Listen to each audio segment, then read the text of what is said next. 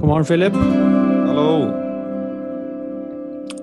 Da tenkte, tenkte jeg vi skulle ta utgangspunkt i et spørsmål vi har fått igjen, som går rundt dette med valg. Og dette med å være i eh, kontakt med sitt indre kompass. Eh, men så kommer man jo i situasjoner i livet hvor eh, noe kan føles altså veldig sant, eller man kan bli veldig usikker. Mm. Og så er det det å skille Er det kompasset som snakker, eller er det noe annet som snakker? Det tror jeg er et eh, på mange måter et av de største problemene våre, faktisk. Det er Det vel et daglig dilemma. Ja, det er jo det. Og så kommer det jo i sånne store valgsituasjoner, så er det jo ja, både veldig viktig å klare å skille, eh, samtidig som det er der det er vanskeligst. Så det, det vedkommende forteller om, er jo dette Altså, hun har eh, rett og slett fått altså, angst rundt dette eh, Rundt å få barn eller ikke. Og hun sier at dette har faktisk slitt henne ut i seks år nå. Og nå begynner jo tiden å renne ut. Mm. Og det som er eh, Altså den eh, situasjonen hun står i, da, det er dette med at hun har egentlig aldri hatt noe særlig lyst på å få barn. Mm. Og vært veldig komfortabel med det. Men, eh, men nå som tiden begynner å renne ut, så kommer jo plutselig denne indre stemmen som, eh, som lurer på om Kommer jeg til å angre på det? Så hun, hun skriver egoet mitt ser for seg meg om 20 år som en angrende og deprimert voksen dame. Og ego forteller meg at det er utrolig synd på meg som fant en mann som ikke kan få barn. Ego forteller meg at jeg er feig som blir i forholdet og ofrer muligheten til å lage egen familie. Og så skriver hun i parentes noe jeg aldri har drømt om. Så, så hun eh, sier her eh, Altså, det har egentlig aldri vært viktig for henne. Mm. Men så skriver hun allikevel kan angsten komme i magen når jeg tenker på at tiden renner ut og frykten tar over. Betyr det at mitt indre kompass forteller meg at jeg bør få barn for å få ro? Eller er det frykten som har tatt over roret? Så Det er ikke sikkert folk kjenner igjen akkurat problemstillingen, men akkurat dette med hvor kommer egentlig valget mitt fra, og hvor kommer de rette valgene fra? Mm. Og hvor kan Altså, hva er, hva er egentlig det indre kompasset? Og hva er alle de andre kreftene som kan ta valget for meg? Det tror jeg, eller ikke bare tror, det vet jeg at det, som du selv sier, det er noe som vi står i alle sammen hver eneste dag. Og så er det så komplekst. Altså just det der med barn. Jeg har også hørt mange kvinner just snakke om den frågeställningen. Og det, det er liksom en sak hva, som, hva folk snakker om der ute. Altså hvilket sosialt ansvar eller hvilket sosialt press som legges på individen. Men så er det også den biologiske delen som er også veldig kraftfull. Ja. Som ju i sig också säkert i ett liv kommer att melder seg litt fram og tilbake, vil jeg tro. Ja, mest sannsynlig. Er, eh, jeg har snakket med flere andre, jeg, gjennom eh, altså mine år med samtaler med mennesker som har eh, på en måte akkurat det samme problemet som hun beskriver der. Så det kan jo være greit å vite at det, det er ikke så personlig. Det er egentlig en veldig generell ting som, ja, som mange kjenner på, som er akkurat sånn som hun beskriver. Ja. Så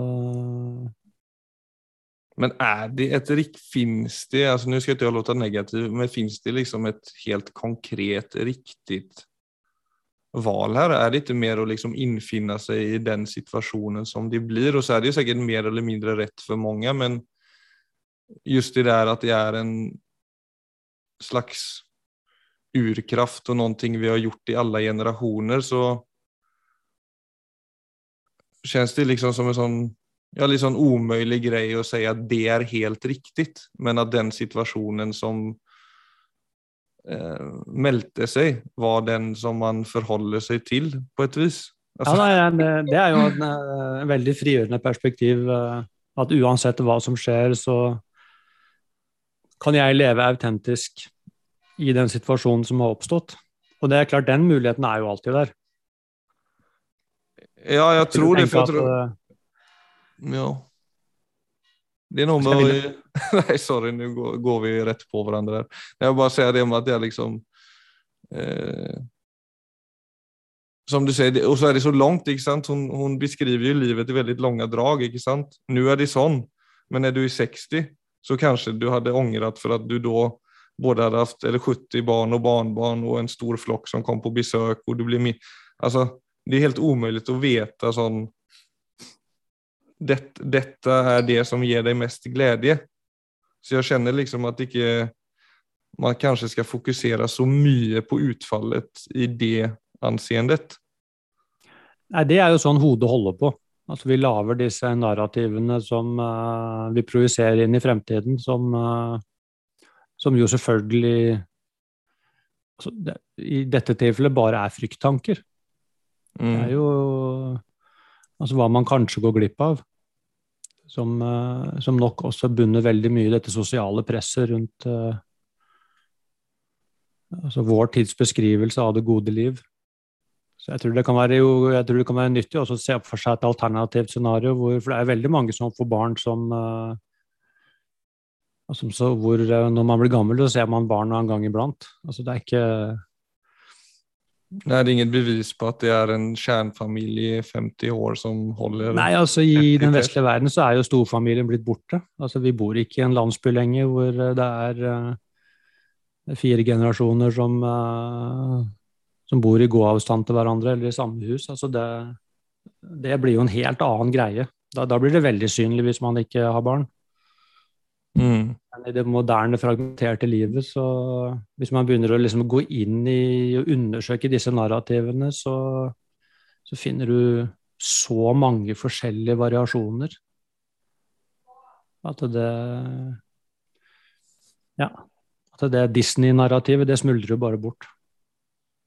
Ja, og så er det også det er sånn lokal greie også. Altså, jeg, sånn som I mitt område der jeg bor, så kryller det av småbarnsfamilier. Og her kan det, här kan det heller handla om ok, nå er det några som har og tre barn, og så er det några som bare har ett barn. Og så er det ikke nødvendigvis at man kanskje kommer seg videre fra ett barn til flere barn, trots at man vil. Og da lander den sociala pressen på det. At fan, vi har bare ett barn, og alle andre har flere barn, og det blir sårbart. Och... Alltså nu, Nå snakker jeg litt fritt. då. Nå sier jeg ikke at dette er deres meningar om noen skulle lyssna på dette. Men man kan fort kjenne av en sånn Du har liksom et større perspektiv som er den perfekte familien, og sen har du den der lokale biten som også er hva er det som er aktualisert i ditt nærområde. Ja. Og så legges masse sosial press på det. Og så kan man kjennes utenfor bare for at man har ett barn. Ja, der har man mennesket i et nøtteskall. Altså det Så Altså Hvis vi går tilbake til det, finnes det et riktig valg, eller, mm. eller kan man bare da altså finne et godt liv med det livet som utfolder seg, så vil jo jeg være tilbøyelig til å si begge deler. Jeg, jeg vil jo helt klart si at det er Altså på en sånn situasjon så så kan vi gå inn og kjenne at altså i dette så er det noe for meg som er riktig. Jeg kjenner jo det selv i forhold til å få barn. Jeg har aldri hatt den trangen. Altså, mm. Aldri vært uh, noe som egentlig har, som har truk, trukket meg til noe jeg har uh, egentlig kjent på som det jeg skal gjøre. Men, uh, men jeg har jo vært Det har jo vært et par situasjoner hvor det, hvor det like gjerne kunne ha skjedd. Og da har jeg kjent på dette med at altså, hvis dette skjer, så blir det så går du inn i det 100% og så blir det et godt liv. Det hadde ikke vært noe problem i det hele tatt, tror jeg. Men, eh, men, samtidig så kjenner jeg på en måte det jeg kjenner innover, så er jeg veldig, veldig altså glad for at det ikke har skjedd, faktisk. Så for meg så vil jeg si at det det er uh, noe som kjennes rett ut når jeg kjenner innover. Så, så jeg vil jo absolutt si at uh, på sånne ting så Og jeg vil si at det er selvfølgelig mange som kjenner det motsatt. Det å få barn var det viktigste som, som skjedde noen gang, og at livet var utenkelig uten. Og at det ville vært veldig vanskelig å lande i det motsatte. Selv om man sikkert kunne Man kan selvfølgelig få et godt liv uansett. Men fins det rette valg? Jeg er jo tilhenger av det, definitivt. Altså at det er Jo, men skulle det skjedd i motsatt, at du skulle fått barn, f.eks.? Altså, det er ikke nødvendigvis så at livet har ett spor for deg. Det er jo den Nei, veien. Det, det er jo veldig mye i livet du ikke velger, selvfølgelig. Så, og det tror jeg er veldig viktig å reflektere over. At de fleste, altså de fleste som får barn, så skjer det jo bare. Mm. Så, og selvfølgelig er det mange som ønsker seg barn som ikke klarer å få det. Så, si, så livet utfolder seg jo bare sånn som det må uansett. Men, uh, men det er klart, i forhold til altså din livsvei, da, så er det jo noe med å se Har du altså Det er ikke alle som kjenner igjen det at de har et, uh, altså en form for kall. Men jeg kjenner jo det i høyeste grad. At jeg har et uttrykk som, uh, som skal manifesteres. Og i det uttrykket så, så, kunne jeg selvfølgelig gjort det med barn. Men, uh, men det ville egentlig mest av alt vært en forstyrrelse. For det tar så jævla mye tid. Det er det er vanskelig, syns jeg, å snakke om barn for at man ikke har altså det, det er jo litt det der med at jeg vet ikke hvordan mitt liv hadde vært uten barn, og du vet ikke hvordan ditt liv hadde vært med barn. Altså Det er en så dramatisk situasjon, på godt og vondt, som på en måte gjør noe med deg som man ikke kjenner til. Og jeg kjenner ikke helt til hvordan mitt liv hadde vært uten det, hvis det ikke hadde hendt. Så du, Nei, hadde jo säkert balans, du hade ju, ditt kall hadde jo også potentiellt sett kunnet bli enda sterkere. Nei, det kunne, kunne ikke det. altså. Ja, Men det vet du ikke først du har fått barn. det, er helt det er helt umulig å vite. Altså, Se Jon Kabat-Zinn, da. Hans største mindfulness-lærere var jo barn. Eller ble ja. jo det, ikke sant? Så det beror jo på helt hvordan du angriper situasjonen. Ditt kall kan jo forandre seg i det at en livssituasjon endrer seg. Ja, jeg hører Altså, du, du, kan liksom bruke, ditt barn kan jo bli en katalysator inn, inn i noe som du ikke vet om, f.eks. Men der du er, den reisen du går nå Jeg forstår det veldig godt, men samtidig så er barn den der cocktailen av alt mulig som er helt umulig å liksom forutse hva som skjer. Ja da. Men allikevel så er det noe med du vet altså når du, Det er jo veldig interessant når man går innover og og kjenner på disse store livsvalgene, så er det jo Og hvis vi igjen bruker dette med barn som eksempel, så er det veldig mange som kjenner at, at livet uten barn er totalt meningsløst. Altså en veldig, veldig sterk kraft i dem, hvor det på en måte mm. er kjempeviktig.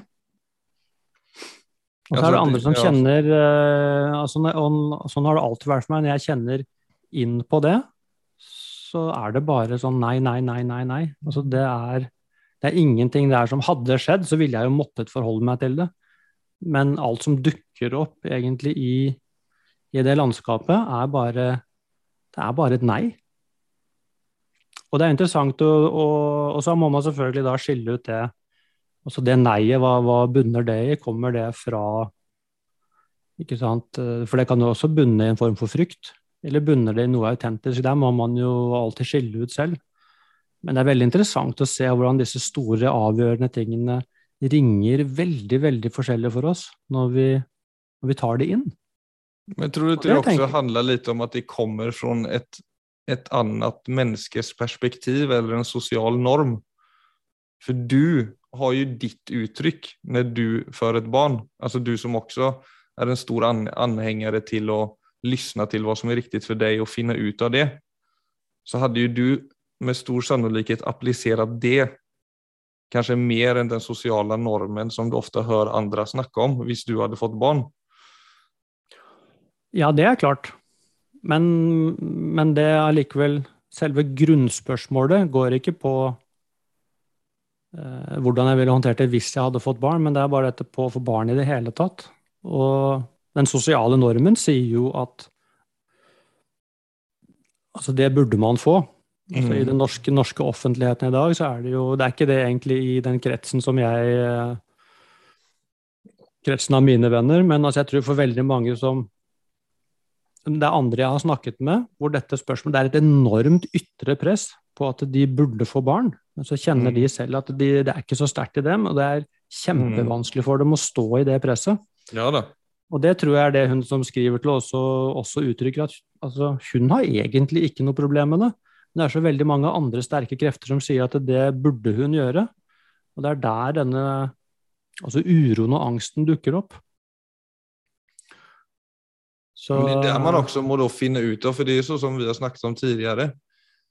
Eh, hvis du vokser opp i en miljø der man snakker om at barn er det mest riktige, da, så er det jo fort ja. gjort at man tar med seg det videre ut i voksenlivet. Men du kan jo også være eksponert for motsatte. Altså, du kan også høre at man trenger ikke barn, du kanskje har mange rundt deg som ikke har barn. Og så blir det på en måte det du tror er deg selv, men så er ikke det nødvendigvis fallet heller. Så det er også viktig å sortere når man er i den situasjonen at ja, hva er Altså, det kan på en måte være Det kan, de kan finnes eh, begge oppfatningene da, av den saken. Absolutt. Det gjelder jo absolutt alle livsvalg man tar. Så er det veldig greit å sjekke ut uh, altså hva er betingingen min? Hva er det, hva er det mønsteret sier? Hva er det Altså, hva er det samfunnet sier, hva er det nettverket mitt sier? Og så sjekke om om uh, er jeg i dette valget autentisk, eller snakker jeg nå egentlig bare fra noe som er innlært. Så det er alltid greit å sjekke inn med, også selvfølgelig i denne type ting. Uh, Men det er vel inget som er rett eller feil, det er vel litt det vi også snakket om der. Altså For min del, du nevnte at det jeg sa var litt frigjørende, og det, det gjelder vel egentlig det meste i livet, at man det jeg har erfart, som har hatt en del liksom, panikångest og sånt i livet, at man hele tiden tror det verste om situasjoner. F.eks. Får jeg til barn, så kommer jeg å bli ulykkelig. Får jeg barn, så kommer mitt liv raseres. Altså, det er jo Det er jo eh, Vi färgar jo vår tilvaro ganske kraftig når vi, när vi ofte ser oss själva, når vi då lander i en ny situasjon, så bruker vi ofte hantera det litt bedre enn det vi tror. Og jeg vil jo tro at det gjelder barn også, at det det er det som skal felle en på om du får et godt eller et dårligt liv. Det er, det er helt enig med deg i. Helt enig. Det er et veldig viktig perspektiv. Ja, det er vel det jeg litt kjenner når jeg leser uh, hennes mail, at uansett hva som skjer, så er det mulig å forene seg med det. Ja, men, men, det som er spesielt i hennes situasjon, er jo at uh, den situasjonen hun er i, så vil det aldri bli noe barn. Så det hun er blitt redd for, er at uh, hun må jo da, hvis hun skal få barn, så må hun ta et veldig drastisk livsvalg. Og der er det jo selvfølgelig viktig å gå inn og se hvor kommer det fra? Altså Kommer det fra det hun vil kalle livskompasset, eller kommer det bare fra frykt? For at det er en helt annen situasjon enn folk som Altså I min situasjon så kunne det jo fortsatt hende at det plutselig dukka opp et barn, faktisk. Mm. Og hvis det hadde gjort det, så hadde jeg bare omstilt meg med en gang. Så det ville jo ikke vært så dramatisk, egentlig. Men, uh, men i hennes situasjon så er det Altså hvis hun bare lar nå Altså lemne mannen, eller Ja, det blir jo det, blir jo det som også blir uh, Altså, og det å gå bort fra et forhold som hun egentlig er fornøyd med. og hun, altså Når hun er rolig med seg selv, når hun er i vater, så er det ikke noe lengsel mot å få barn i det hele tatt. Hun er veldig fornøyd med livet sitt. Men det er egentlig bare det at denne disse tankene dukker opp og skaper ja, Akkurat som det ligger en uro der. Og, det, og det er, der vil jeg jo si at det er eh, Hva skal man si Noe som er som det går an å finne ut av, faktisk. Kommer dette fra altså noe i meg som er autentisk, eller er dette bare uro? Og det, Hvis jeg skulle sagt noe rundt det, så ville jeg si at uh, at uh, altså livskompasset ditt, i hvert fall det jeg kaller livskompasset, mm. det har ingenting med uro og angst å gjøre. Det kommer fra noe som går mye, mye dypere enn det. Så når den der uroenergien er der, så har ikke det noe med livskompasset å gjøre. Nei. Men for at den uroen skal forsvinne helt, så må det være veldig på plass i deg selv. Og det er jo ikke alle som kommer dit. Altså man kan jo hele tiden, Vi kan jo alle liksom Som vi hele tiden oppfordrer til. Altså faktisk praktisere praktisere en del ting av det vi snakker om. Eh, men så ligger det jo en Det er jo også så ok, når du er 30-40, kanskje du potensielt sett får mer kvalitet ut av livet hvis du ikke har barn, hvis du er en viss type av menneske. Men så kan du havne i en situasjon når du er 60 år, som så klart hadde kunnet være trevlig å ha barn og, alt, alt mulig. Så det er det jeg mener sånn Du må være ekstremt på plass i deg selv for at du bare skal liksom være i sånn helt i vater gjennom hele livet. Men så kan man liksom senke forventningene litt og kjenne på at ja, visse tider så kan man kjenne på det mer og, mindre, og visse tider så kan det kjennes riktig. Helt klart. Men, men jeg tror det, det, er helt klart, og det kan jeg jo de tankene kan jeg jo selv uh, tenke på. Og, men når vi tenker på livskompasset, for det tror jeg er veldig viktig å I hvert fall til altså Spesielt til hun som har skrevet denne e-posten, men sannsynligvis til mange andre også som, uh, som kan stå i viktige valgsituasjoner i andre ting. Så er det Livskompasset handler bare egentlig om meg og meg. Så der må man skille ut altså det sosiale presset og alle de tingene. Det har ikke noe med livskompass å gjøre. Det er vanvittig sterke krefter. Men det har ikke noe med det å gjøre. Så du skal se på, For det hun spør om, er er det sånn at jeg må få barn for å få ro? Er det det livskompasset forteller meg? Men da, hvis hun skal finne ut av det, så må hun egentlig se seg selv i speilet. Altså Hun må se inn i sine egne øyne og stille seg spørsmålet kan jeg leve med meg selv hvis ikke jeg får barn? Og Hvis hun kan svare ja på det, så er det et veldig viktig signal. Ja, men hvis det er sånn at uroen kommer fra eh, sosialt press eller sånn 'herregud, tenk om jeg kommer til å angre om 20 år', Igjen da må du se 'kan jeg leve med meg selv'? Så vil du se det, for da kan du begynne å skille. For det handler om egentlig, det vi snakker om her, er jo det som kalles diskrimineringsevne. Det som klarer å skille den altså, autentiske stemmen i meg fra alt uh, tankekjøret. Mm. Og jo mer uro det er i oss, jo vanskeligere er det å skille de tingene. Men du vil ofte kjenne når du er altså du er helt på plass, så er det mye lettere for oss mm. å skille de forskjellige stemmene. Så, så livskompasset, husk på det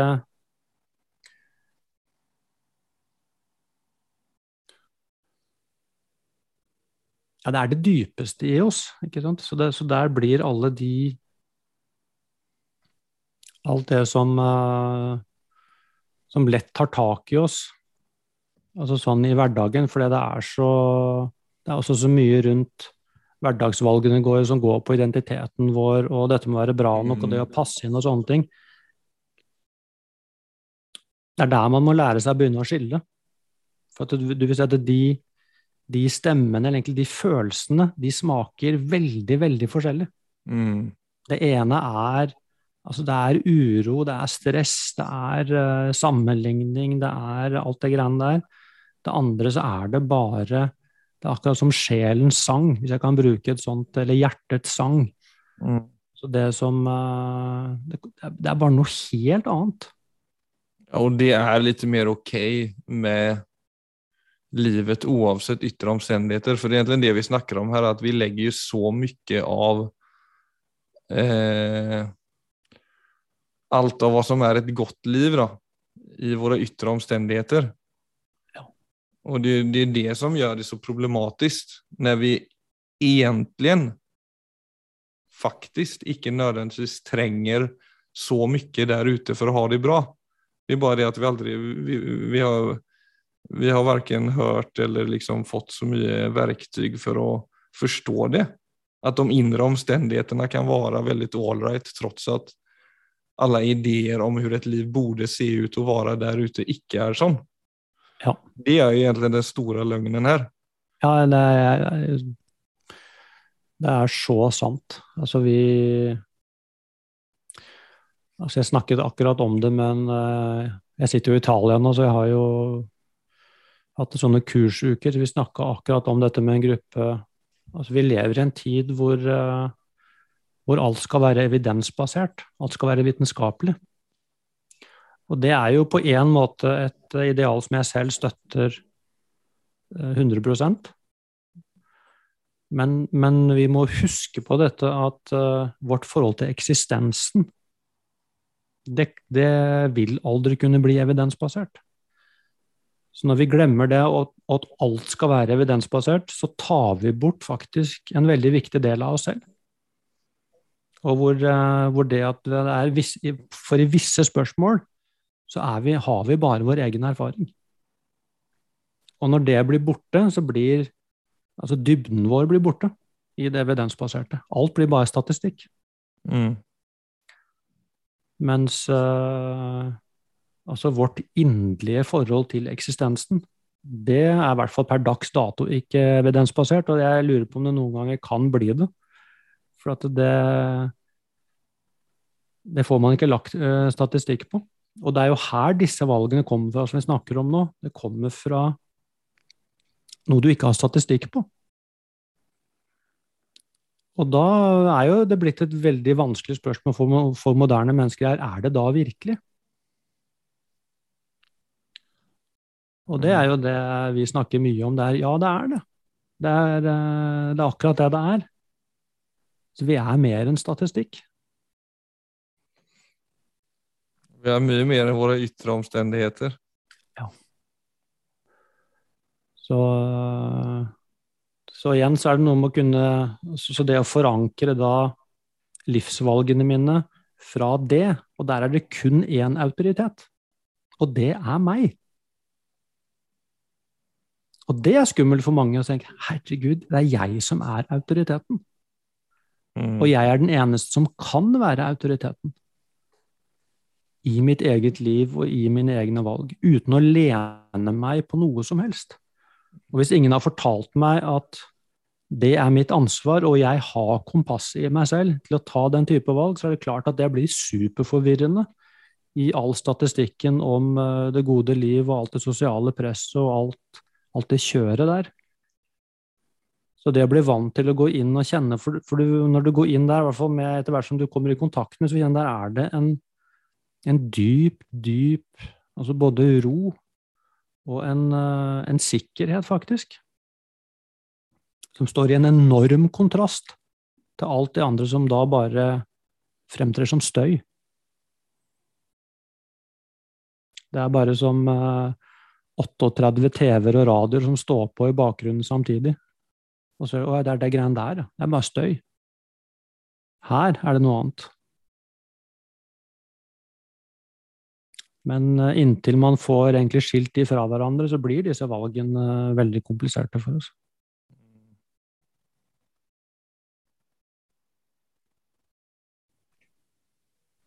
Ja, Viggo. Förra, jeg tenkte på det förra, for å smøre forresten eh, för, förra episoden med litt sånn yttre omstendigheter og humor. Du var jo litt sånn uppfattades ju lite som en internetguru förra episoden som vi hadde. Men förra året när du, skulle, när du var så nöjd med din agurk så visste du ikke helt hur du skulle få den ut i sociala medier en gang. så du hade odlat i växthuset. Det gikk fort. Ja, veldig bra. Det kan bli, eh, det kan bli dagens uh, siste kommentar. Så det er din nye rolle der ute. Ja, det var bra. Touché. Touché. Ja, vi avslutter der, då.